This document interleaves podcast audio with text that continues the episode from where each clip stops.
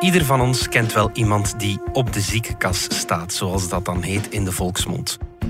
Ons land stevend af op een half miljoen langdurig zieken. Op vier jaar tijd kosten ze de staat al ruim 2 miljard euro meer. Het is een reusachtig probleem voor de politici. Durft de ploeg van de regering De Croo heilige huisjes slopen? Wie naar de controles kijkt, zal veel eer overtuigd geraken van het tegendeel. Het is dinsdag 2 februari. Mijn naam is Alexander Lippenveld en dit is de podcast van De Standaard.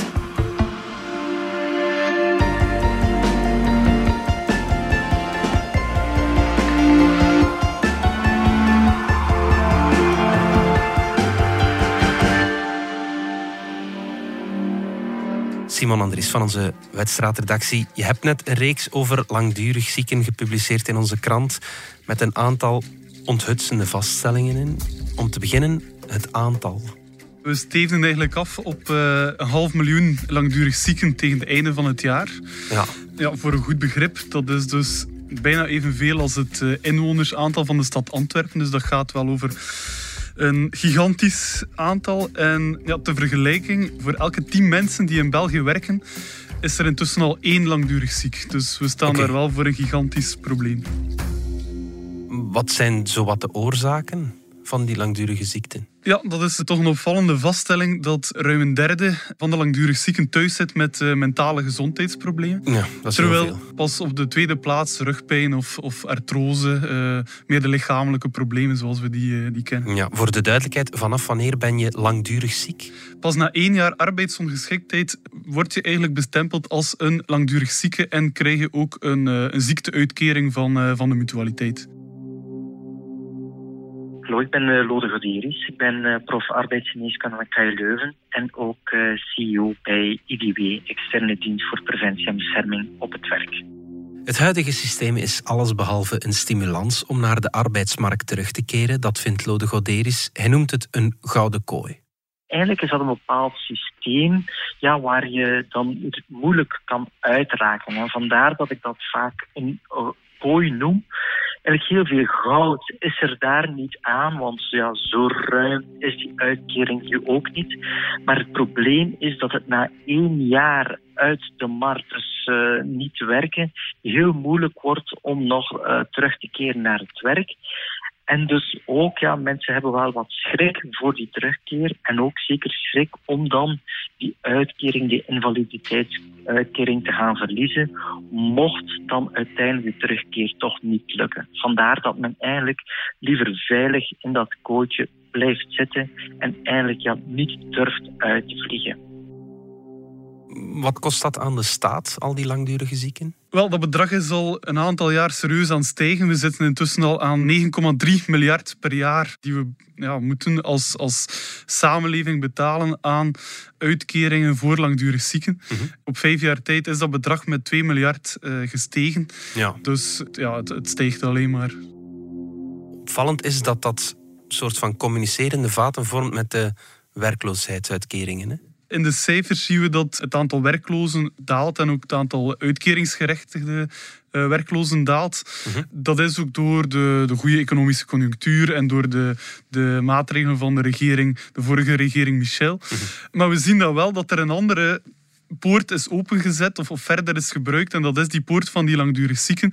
En uh, daar geeft het RISIF, dat is de overheidsinstelling die de uitkeringen regelt, zelf ook aan dat dat eigenlijk perfect communicerende vaten zijn. Dat bijvoorbeeld ook het optrekken van de pensioenleeftijd, ja, het, het, het, langer werken in het algemeen, dat dat er ook voor gezorgd heeft dat er een serieuze stijging van het aantal langdurig zieken is.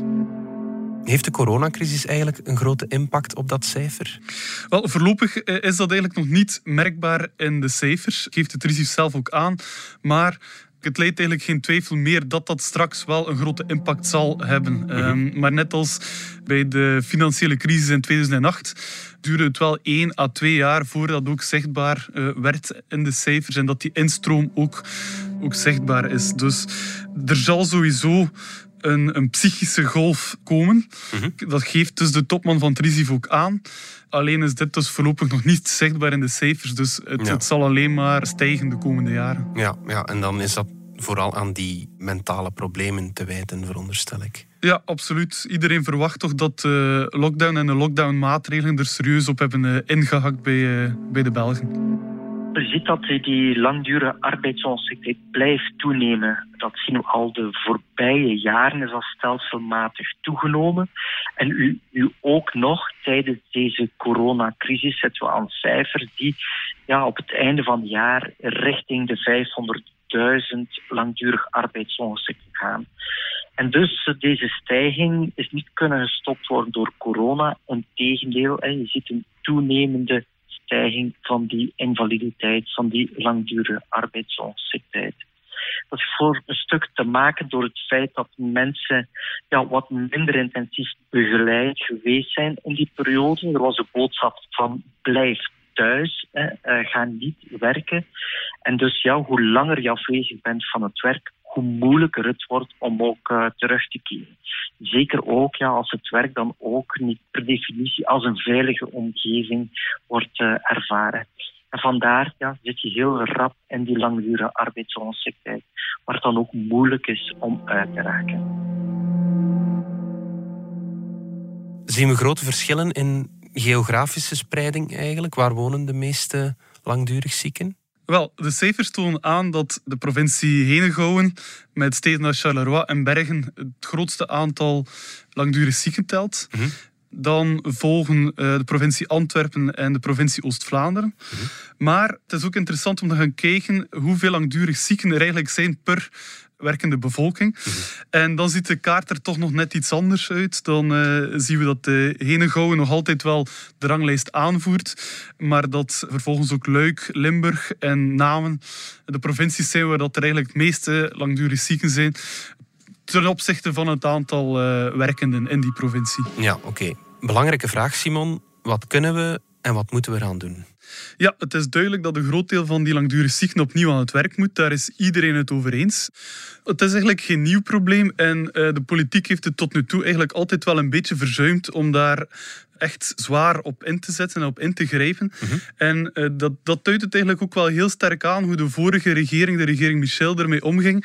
Uh, die hadden nogthans beloofd om daar zwaar op in te zetten en er ook zwaar op in te grijpen. En in het regeerakkoord stond toen ook al heel duidelijk dat, dat ze misschien erover nadachten om de bedrijven meer verantwoordelijk te maken en, en langer de zieken te laten uitbetalen, zodat ze meer verplicht zijn om te zorgen voor werkbaar werk. Maar ook omgekeerd dat ze ook de langdurig zieken misschien wel willen dwingen om een deel van hun uitkering af te staan als ze weigeren mee te werken aan uh, een nieuwe instroom in de arbeidsmarkt. Ja. Maar uiteindelijk is daar door druk van de vakbonden, door druk van de, van de werkgevers, uh, niets van gekomen. Al die plannen zijn in de koelkast gegaan. Mm -hmm. En ook nu opnieuw zegt ook de regering De Croo dat het een absolute topprioriteit is om die langdurig zieken aan te pakken. Maar de plannen blijven tot nu toe heel vaag. En het is eigenlijk een beetje onduidelijk hoe ze die, die gigantische opdracht nu gaan aanpakken. Wat, wat wel al duidelijk is, is dat, zeker onder minister Frank van den Broeke, mm-hmm. dat er wel een hele ideologische ommezwaai is, van, duidelijk van de rechterkant naar de linkerkant, waarin dat de Van den Broeke nu al onmiddellijk aangeeft dat de huidige wetgeving veel te veel de focus legt op het sanctioneren. Ja. En dat we moeten gaan naar positieve prikkels in plaats van negatieve prikkels. En dat klinkt goed. En het zal ook inderdaad nodig zijn om uh, langdurig zieken inderdaad te enthousiasmeren om opnieuw aan het werk te gaan. Ja. Maar ik zeg het, de plannen zijn tot nu toe heel vaag en, en het is nog voor iedereen wat onduidelijk hoe we daarmee nu het, met die positieve prikkels het probleem gaan oplossen. Dit is hoe minister van Volksgezondheid Frank van den Broeke het zelf verwoordt. Zo liet zijn kabinet dit via mail aan onze redactie weten. Als iemand opnieuw, eventueel deeltijds, aan de slag kan bij zijn werkgever, moeten we alles in het werk stellen om dat mogelijk te maken. Maar we moeten wel dringend van het idee fix af dat alleen terugkeren naar de oude job een succesvolle reïntegratie is. Werkgevers en werknemers kunnen daar, mits altijd de nodige sociale beschermingsregels in acht nemen, alleen maar bij winnen. We gaan er even tussenuit voor een bijzondere aankondiging. De Standaard lanceert in samenwerking met de Universiteit Antwerpen Curieuze Neuzen in de Tuin. Het grootste burgeronderzoek naar hitte en droogte ooit. De hitte- en droogterecords volgen elkaar op. Hoe beschermen we onze tuin tegen droogte? En hoe zorgen we ervoor dat onze tuin ons koelte blijft geven tijdens een hittegolf? Net dat onderzoekt Curieuze Neuzen in de tuin. En we doen dat samen met u. Word een van de 5000 curieuze neuzen of burgerwetenschappers en ontdek ook hoe het gesteld is met uw tuin. Schrijf u in via de app DS Nieuws of via standaard.be-curieuze neuzen. Simon, je haalde de sociale partners al aan, de werkgevers en de werknemers. Als zij niet overeenkomen, dan dreigt dit dossier nooit opgelost te geraken. Dat is vaak zo in dit land, hè? Ja, en het is daarom opvallend dat uh, Van den Broeke nu ook zegt van uh, we willen inzetten op die, die positieve prikkels en uh, we willen iedereen ook mee trekken in, in dat bad. Dus hij wil daar een positief klimaat creëren mm-hmm. om daarover te praten. Maar als gulden middenweg hoopt Van den Broeke nu dat hij iedereen kan warm maken om meer in te zetten op die reïntegratietrajecten en dat zowel werkgevers als vakbonden daar zich nu de, de schouders onder zetten en mm-hmm. op die manier de langdurig zieken samen aan het werk krijgen. Maar opnieuw, het is nog heel onduidelijk wat hij daar nu precies mee bedoelt. En het is dus belangrijk dat iedereen, ook al is het maar een klein beetje, weer aan het werk kan gaan. En dat iedereen ook aangepast werk krijgt. En eh, dat het, dat het stigma ook rond ja, langdurig ziekte, dat dat ook een beetje weggenomen wordt. Dat klinkt als weerbaar en werkbaar werk. Dat is een nagel waar de vorige regering nogal opgeslagen heeft. Hè? Ja, en daar zijn toen ook al initiatieven rond genomen. Alleen is het voorlopig in de praktijk nog absoluut niet duidelijk. Of is het absoluut nog niet, niet zichtbaar in, in de resultaten. Mhm. En ook Van den Broeke heeft het nu over meer preventie op het werk en ook het, het werkbare werk. Maar in de praktijk staat dat eigenlijk allemaal nog in de, in de kinderschoenen. Mhm. Om te beginnen is er eigenlijk al weinig geld voor die reïntegratietrajecten en voor het aangepast werk. En dan blijkt nog een keer in de realiteit dat wie eenmaal in die langdurige ziekte zit, mhm. daar ook amper nog, nog uitgeraakt. Ja. Is het antwoord, ook zoals vaak, gewoon dat er meer geld moet zijn? Ja, Van den Broeke heeft het ook over een, een mindshift, een mentaliteitswijziging waarbij we ook anders gaan kijken naar die langdurig zieken, waarbij we afstappen van die uh, stigmatisering rond wat bijvoorbeeld kankerpatiënten nog kunnen mhm. of wat iemand met een burn-out straks nog kan doen. Ja. Dus als dat bespreekbaar wordt, dan, dan is er ook gewoon veel meer mogelijk. En uh, de topman van het RISIF geeft zelf ook aan dat we echt gewoon iets waar dat België op dit moment niet goed bezig is, uh, meer moeten inzetten op zo'n inclusieve arbeidsmarkt. Dit is nog eens de reactie van Frank van den Broeke via mail. De huidige wetgeving legt veel te veel focus op het sanctioneren, zowel voor werkgevers als voor werknemers. Ook de terminologie en de benadering is heel negatief. Arbeidsongeschikt of invaliditeit, dat is heel stigmatiserend. Er moet veel meer gewerkt worden met positieve prikkels in plaats van negatieve. Bedrijven sancties opleggen of dreigen met het intrekken van de uitkering voor wie weigert mee te werken, moet de laatste schakel zijn in het traject.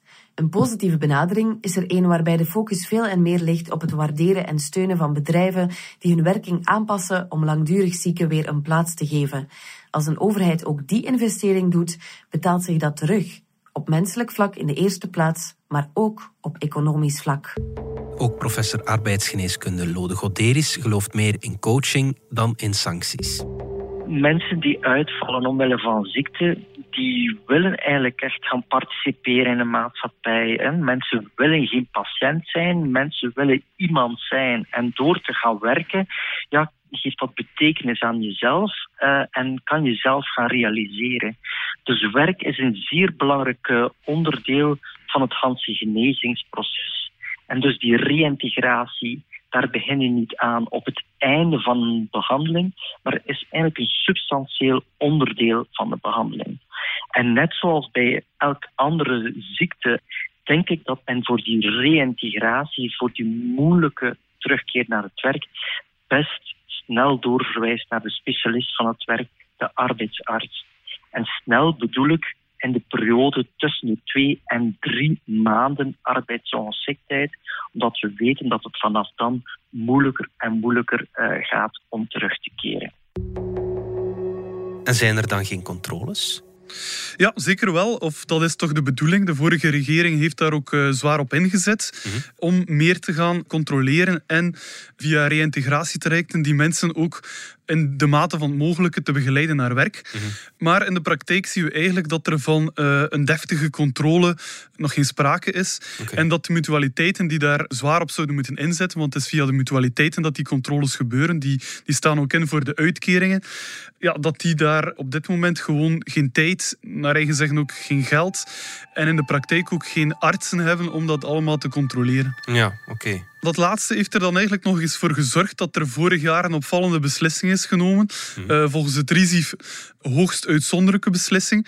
Waarbij ze ervoor gekozen hebben om eh, dit jaar de controle ook op een, op een groot aantal langdurig zieken gewoon los te laten. Het gaat dan bijvoorbeeld over alle mensen die al langer dan tien jaar langdurig ziek zijn. Maar bijvoorbeeld ook over 50-jarigen die eh, vijf jaar uit zijn met een burn-out. Ook die worden niet meer gecontroleerd. De mutualiteiten zeggen zelf, en ook de overheid zegt zelf, dat ze daar niet trots op zijn, maar dat gewoon door de werkdruk niet meer mogelijk was om, om die controles uit te voeren. Ze verwijzen daarbij ook wel, moet gezegd, ook naar de coronacrisis, Ja. die er ook voor zorgt dat artsen niet meer tot bij die langdurig zieken kunnen en dus geen deftige controle kunnen doen. Mhm. Maar om eerlijk te zijn, ook daarvoor, nog voor de coronacrisis, liep het volledig fout met die controles. Dus het, het probleem zit al langer en veel dieper. Ja. Het gaat over een groep van mensen die angst heeft om terug te keren. En dus ja, als bij iemand gaat die je daarboven nog gaat controleren of die stempel heeft, ja, dan ga je er eigenlijk alles aan doen om aan te tonen dat je terecht eh, op de ziekenkast staat. En ik denk dus dat we dit model eigenlijk moeten gaan omkeren. We moeten niet gaan kijken naar wie heeft recht op een uitkering. Ik denk dat we mensen moeten helpen terugkeren naar het werk en daarop inzetten. Het controlesysteem momenteel is ook wat theoretisch, is dus ingegeven door dat recht op een ziekteuitkering, maar daarvoor worden een aantal regels gehanteerd, bijvoorbeeld na zes maanden, waarbij dat een adviserend arts een vergelijking moet gaan maken met een referentieberoep. En natuurlijk, dat is niet de realiteit zoals eh, die is, want mensen werken concreet in een bepaald bedrijf. Dat zet allemaal wel de deur open voor fraude, denk ik dan. Ja, het RISIF zelf relativeert dat eigenlijk. Net omdat er in die groep, zeker van 50-plussers, nog amper uitsluitingen gebeuren. Meestal blijft die groep ook gewoon hangen in het statuut van langdurig zieken. Plus, het RISIF geeft daarbij ook aan, en dat is een beetje cynisch, dat zelfs als die mensen vertrekken of kunnen vertrekken uit het statuut van langdurig zieken, dat ze amper werk vinden en dat ze dan uiteindelijk toch op de werkloosheid vallen. Ja. Dus dat is jammer. Maar zoals professor arbeidsgeneeskunde Lode Goderis aangeeft, is het puur menselijk een heel rare beslissing om nu een grote groep mensen gewoon op te geven voor de arbeidsmarkt Ja. en die gewoon een erkenning te geven tot aan een pensioen. ja. Hoe reageren de mutualiteiten daar dan op, die de controles moeten uitvoeren? Ja, die zeggen zelf dat het niet de keuze van hun hart was om die mensen los te laten. Ze geven zelf ook aan dat wie wil ook zelf naar het ziekenfonds kan stappen om terug aan het werk te gaan. Dus die optie is natuurlijk niet weg. Maar ze wijzen tegelijk ook naar de vorige regering die door te veel administratieve regels op te leggen, door eh, lijsten te verplichten waarbij ze een soort van checklist moeten afnemen van langdurig zieken, dat het daardoor allemaal veel te ingewikkeld geworden is en dat die controle gewoon ja, niet meer mogelijk was op het terrein. Dus dat het gewoon een te hoge werklast was. En dat alles zorgt er eigenlijk voor dat ja, ook in de toekomst dat die controles moeilijk blijven. Ja. Het zijn nogthans hun adviserende geneesheren die bevoegd zijn op die controles van langdurig zieken. Ja, maar het grote probleem is dus dat er gewoon veel te weinig zijn. Er zijn er eigenlijk 270 adviserend artsen voor 460.000 langdurig zieken. Die adviserend artsen zitten zelf vol frustraties door te veel administratie die ze moeten doen.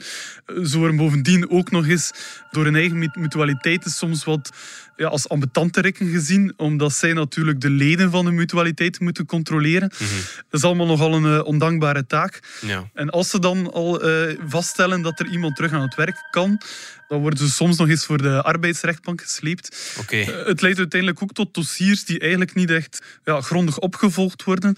En waarbij dat er, een, dat er eigenlijk geen sprake is van een echte grondige persoonlijke begeleiding van een langdurig zieke. Wat dat die mensen natuurlijk wel echt nodig hebben om weer enthousiast aan het werk te kunnen straks.